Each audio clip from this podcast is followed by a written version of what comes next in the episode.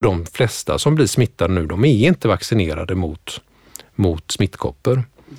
Eh, samtidigt som eh, det här med, det med viruset har kommit in i en grupp där det har möjlighet att sprida sig.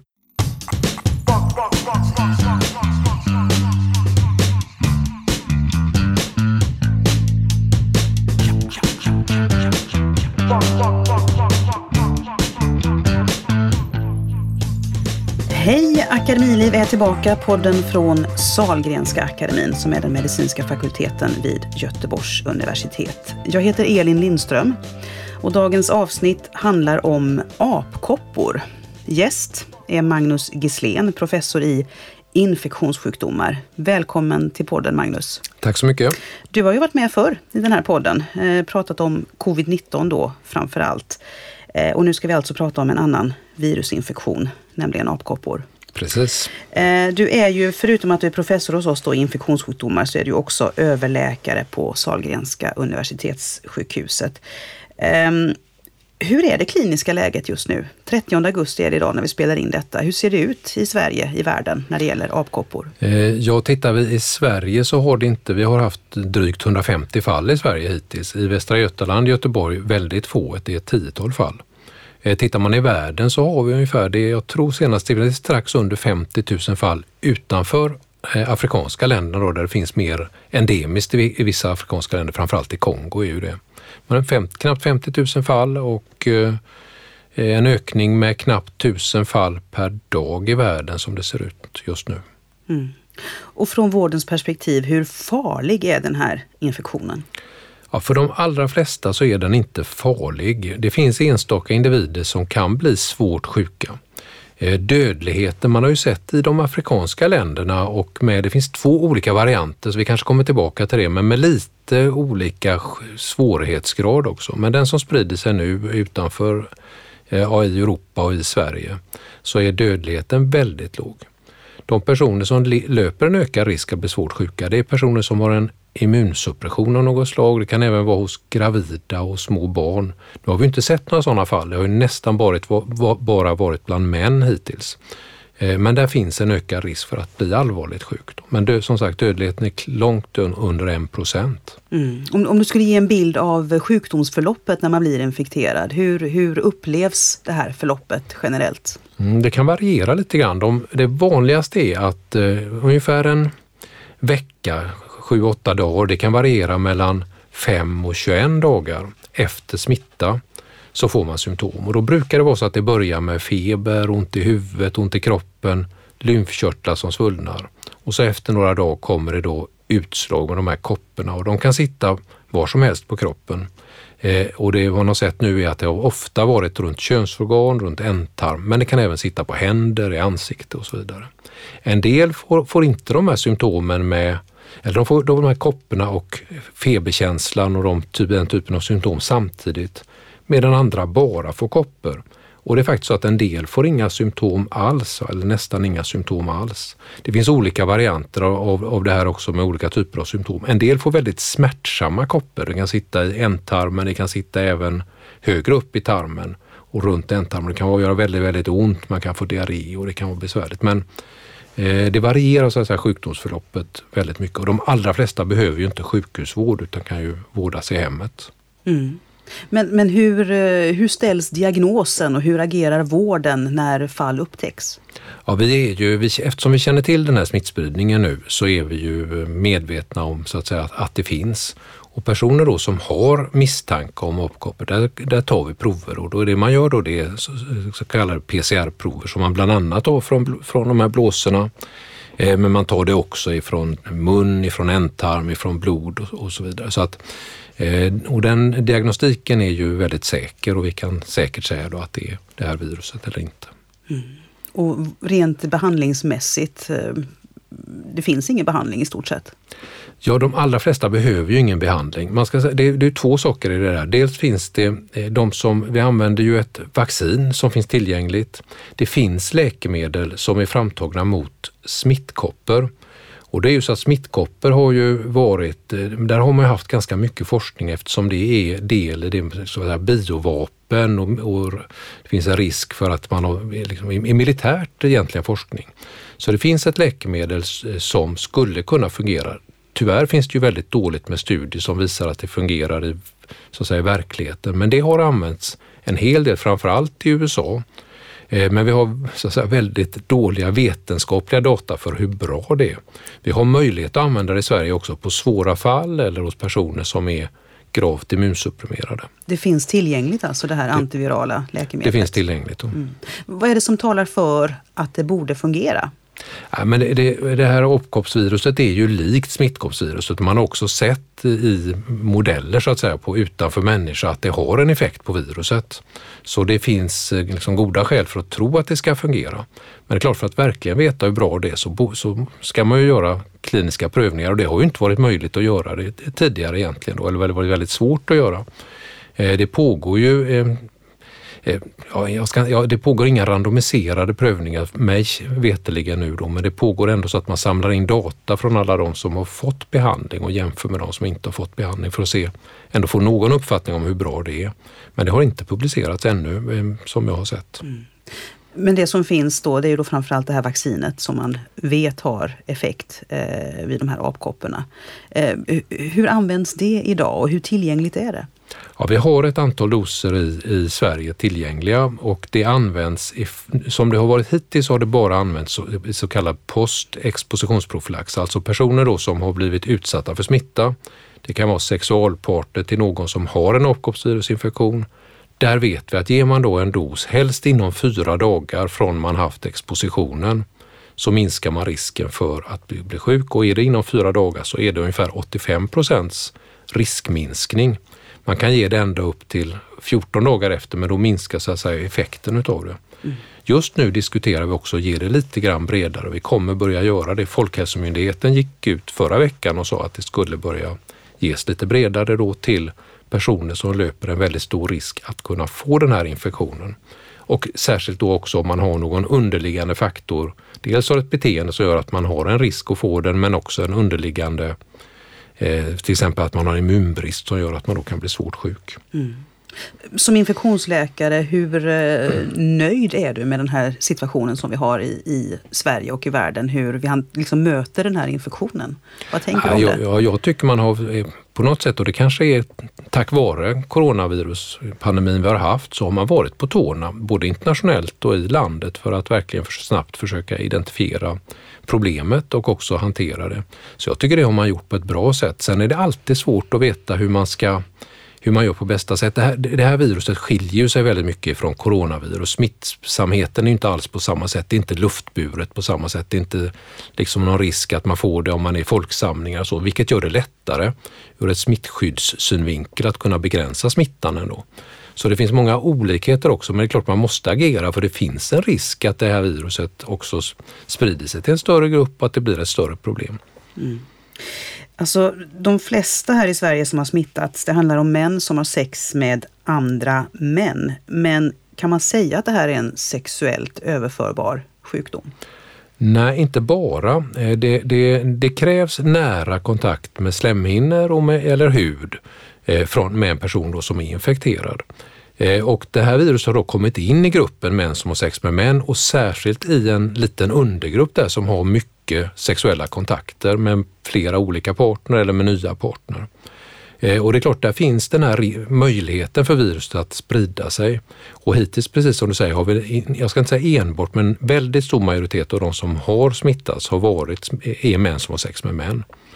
Eh, men det är klart att det finns ju inget virus, men det kan naturligtvis sprida sig utanför den här gruppen också. Men det är inte, eh, som svar på frågan, det är inte bara en sexuell smitta, det kan också spridas på annat sätt. Och vi har ju sett, det finns fall till exempel med indirekt spridning via sängkläder, handdukar från person som har varit smittad eller som är smittad till någon annan i ett, ett hushåll. Oj, hur vanligt är det? Ovanligt, men det, men det förekommer. För att det är klart att ha, det är lite grann som har man koppor på det sättet så finns det mycket virus där och det kan sprida sig när, mycket möjligt att det kan sprida sig väldigt nära så att säga eh, inte bara direktkontakt utan ganska liksom, från ett litet avstånd också. Mm. Vi kallar inte det riktigt luftburet men droppsmitta kanske delvis luftburet också då. Men inte så att det sprider sig på långa avstånd. Mm. Det finns ju flera faktorer här som kan vara stigmatiserande när det gäller den här sjukdomen, också för den här gruppen män som har sex med män. Alltså, eh, det här att det kallas för apkoppor har ju varit väldigt omdiskuterat. Det är inte ett jättebra namn. Nej, och det där är ju ett olyckligt namn på många sätt. Det är ju anledningen att det kallas för det är ju att det här viruset upptäcktes hos försöksapor första gången på 50-talet. Men apor är egentligen inte heller den naturliga världen för det här. Det kan smitta apor. Men det är vanligare med olika typer av gnagare och andra, ja, andra djur som finns då i de här länderna där det finns endemiskt. Ehm, om man diskuterar, precis eh, är det ju så att det här kan vara ett stigmatiserande namn som på många sätt är ganska roligt, så man diskuterar och döpa om det. Och det förslag som ligger nu det är ju att döpa sjukdomen till MPX, det är ju efter monkeypox, men ändå att det inte blir så direkt. Och viruset till MPX virus. Då. Det finns inget konsensus om det ännu men, men det diskuteras internationellt om man ska mm. döpa om det. Och det här viruset det finns då alltså helt naturligt i Central och Västafrika. Um, vad kan du berätta mer om det här viruset? Ja, viruset tillhör samma familj som smittkoppsvirus och de är på, lika men det finns också stora skillnader. Smittkoppor är ju en sjukdom som har gisslat mänskligheten under väldigt lång tid. Det har tagit mer liv, tror jag, än nästan alla andra infektionssjukdomar om man tittar globalt under liksom års, eh, år, historien. Mm. Eh, och det har varit oerhört smittsamt och det fanns ju under lång tid. Men det är ju den första sjukdom som, infektionssjukdom som vi har lyckats att vaccinera bort. Eh, och man slutar ju att vaccinera i slutet av 70-talet eh, mot denna sjukdom. Eh, och då är det också så att det här har ju funnits, eh, har man sett då, eh, apkoppsviruset i, det är två olika varianter. Man kallar den centralafrikanska och den västafrikanska varianten. Centralafrikanska framförallt i, i Kongo och den är lite allvarligare än den västafrikanska varianten som har varit på andra delar, har varit ett utbrott under en period i Nigeria till exempel. Och det är liknande det virus som nu sprider sig i, utanför Afrika, det är det här som är västafrikanska varianten. Ska vi vara glada för det, att det är den varianten som sprids? Ja, kanske. Sen är det klart att de siffrorna på hur allvarliga de är och de data vi har ifrån både den centralafrikanska och den västafrikanska är ganska osäkra. För man har säkert väldigt, väldigt stora mörkertal och det är osäkert hur det ser ut. Men det kan vara så. Mm. Eh, och det jag också skulle säga är att man har sett även då i de här endemiska länderna en ökning av antalet fall från 80-talet, 90-talet och framåt. Eh, och det tror man beror på att immunitet, man har ju slutat vaccinera mot smittkoppor. Smittkoppvaccination ger ett skydd också mot apkoppor. Det har man sett i studier, det rör sig om över 80 procentigt skydd. Men det är klart man har slutat vaccinera och skyddet från de som är vaccinerade minskar med tiden och nya personer blir inte vaccinerade. Så att det är därför man tror att man har sett en ökning där då också. Mm. Och kanske därför det också har en möjlighet att sprida sig nu då utanför mm. afrikanska länder på det sätt vi ser i år. Vad är det som gör att den här spridningen kommer nu?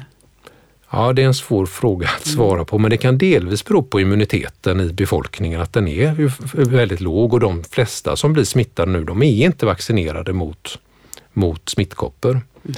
Eh, samtidigt som eh, det här med, med viruset har kommit in i en grupp där det har möjlighet att sprida sig.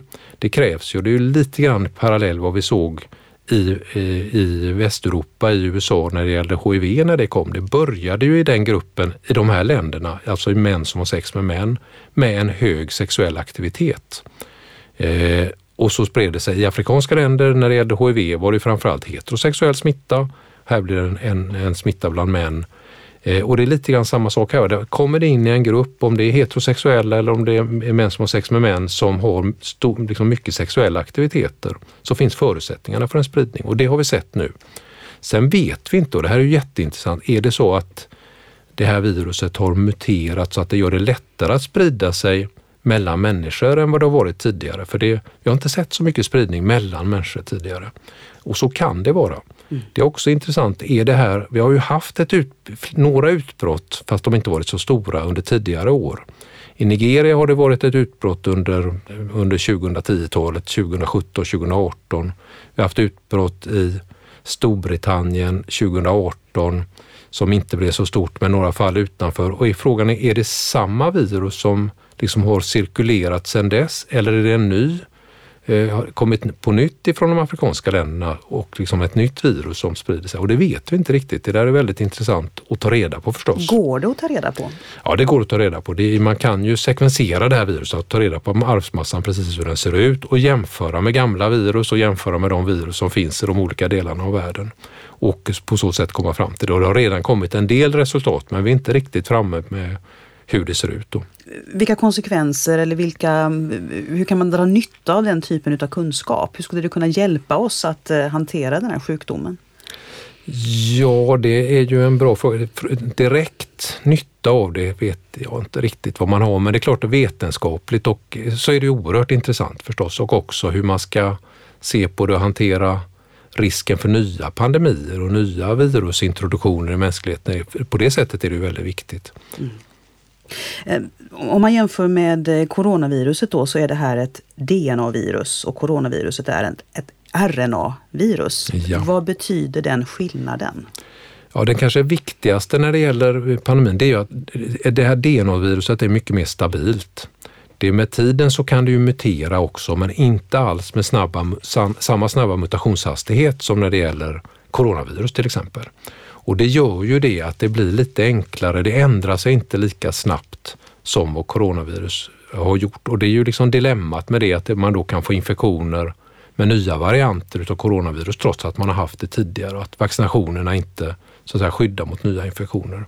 Så är det nog inte här utan har man blivit vaccinerad har man nog ett gott skydd emot eh, nya infektioner under lång tid framöver, vad vi vet nu. Mm.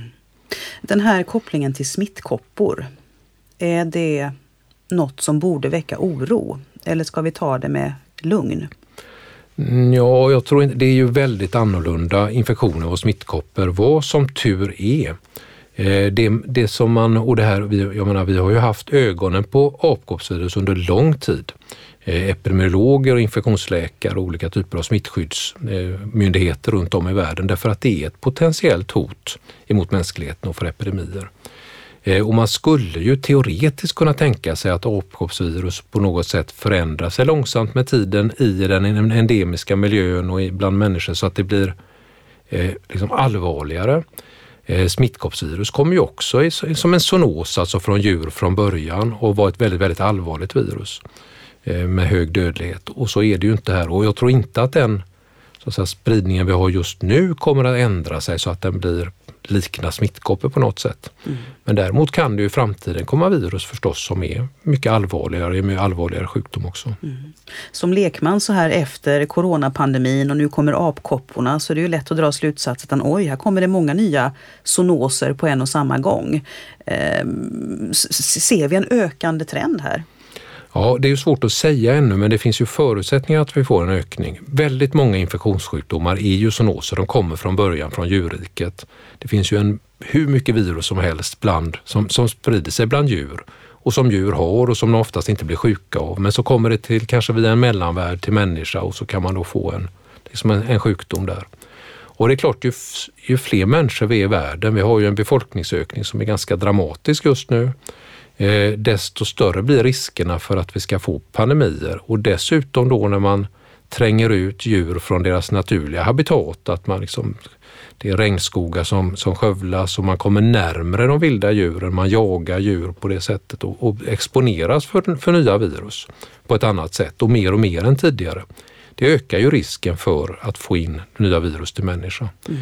En annan sådan eh, riskfaktor, även om det inte har just med detta virus att göra, men med andra virus, det är ju just de här, vi har ju med de här stora djurfabriker vi har, både i Sverige och i många andra länder med stora, stora eh, populationer utav till exempel grisar och andra djur eh, med, som är väldigt genetiskt lika och som trängs på små ytor och där virus från vilda djur kan komma in, ändras och sen smitta människor. Eh, så att eh, det här är ju ett, eh, någonting som är väldigt viktigt att diskutera för framtiden. Hur, mm. hur, vi, liksom, hur vi påverkar miljön och hur andra djur och hur det, det påverkar oss. För det här, det här är ju risker så förstås. Som vi... Mm. Hur är det med klimatförändringarna? Hur spelar de in här, tror du? Det är svårt att säga också. Det man har sett med klimatförändringar det är ju att när det blir varmare så finns det andra typer av infektioner som inte har drabbat områden som då eh, tidigare har varit lite kallare och mer tempererat klimat. Att, att de kan sprida sig lättare dit och man kan få en spridning av olika typer av infektioner. Till exempel till Sverige då som vi inte har sett förut. Mm.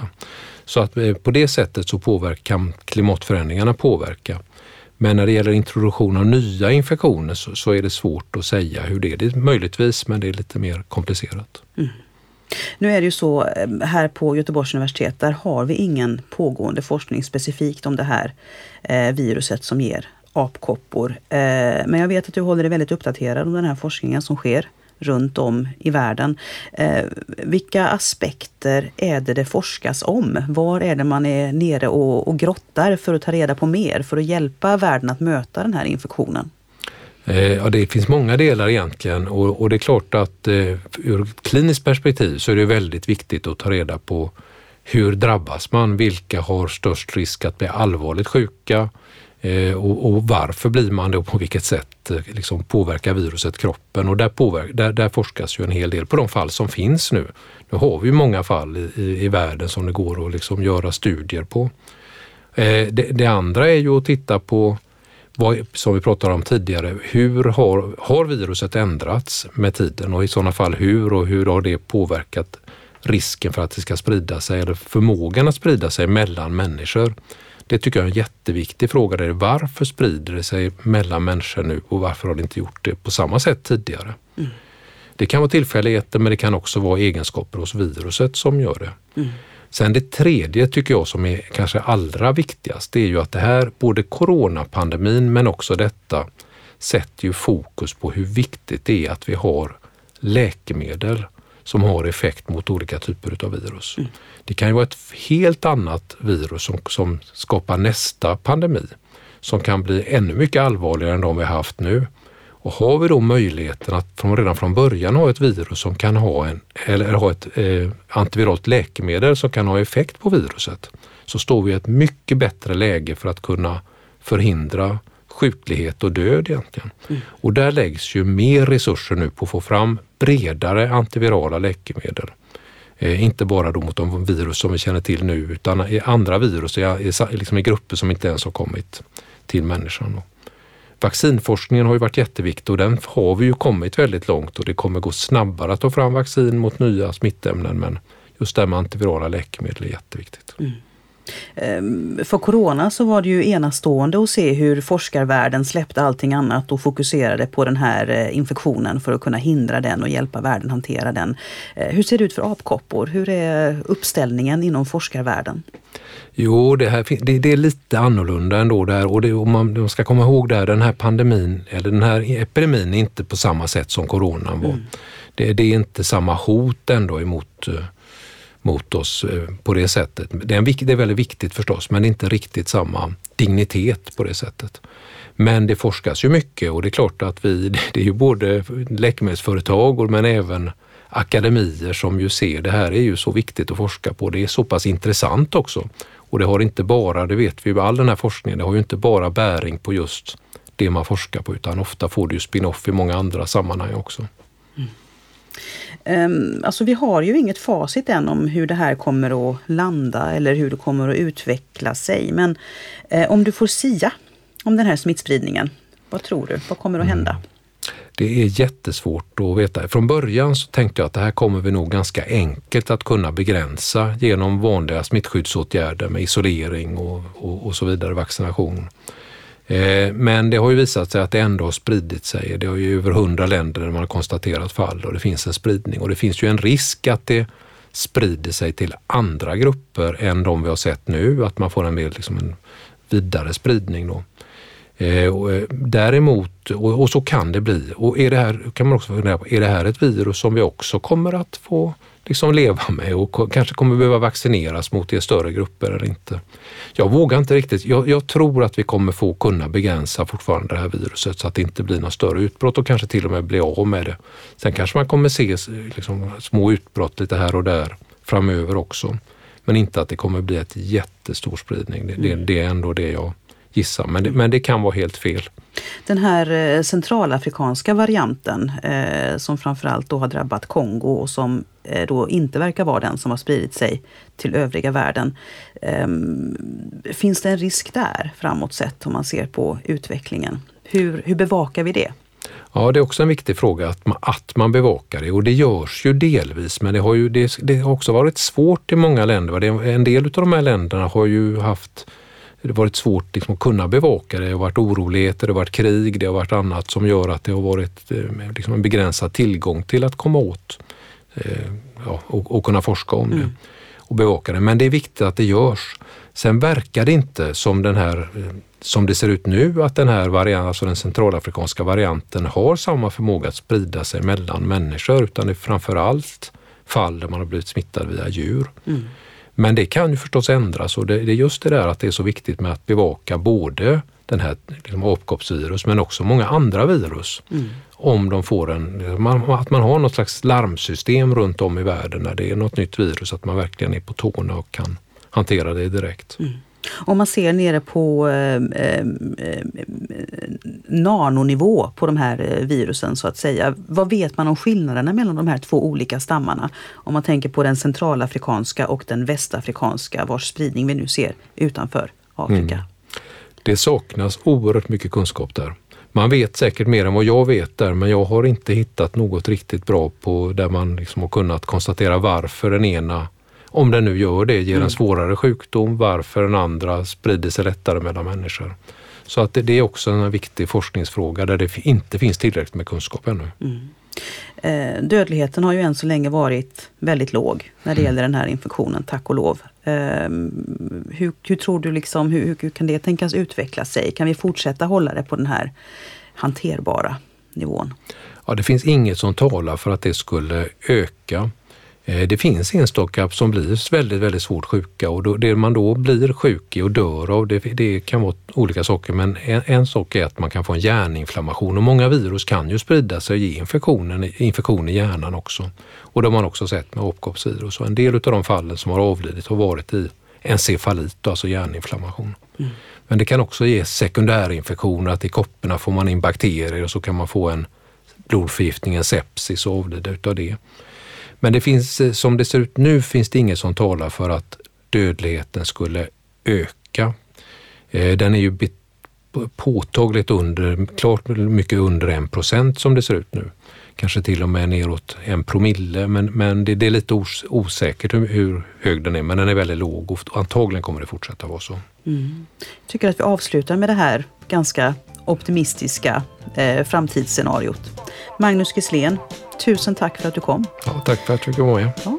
Det här var podden från eh, Sahlgrenska akademin vid Göteborgs universitet. Tack till dig som har lyssnat. Jag heter Elin Lindström. Hej då! Hej då!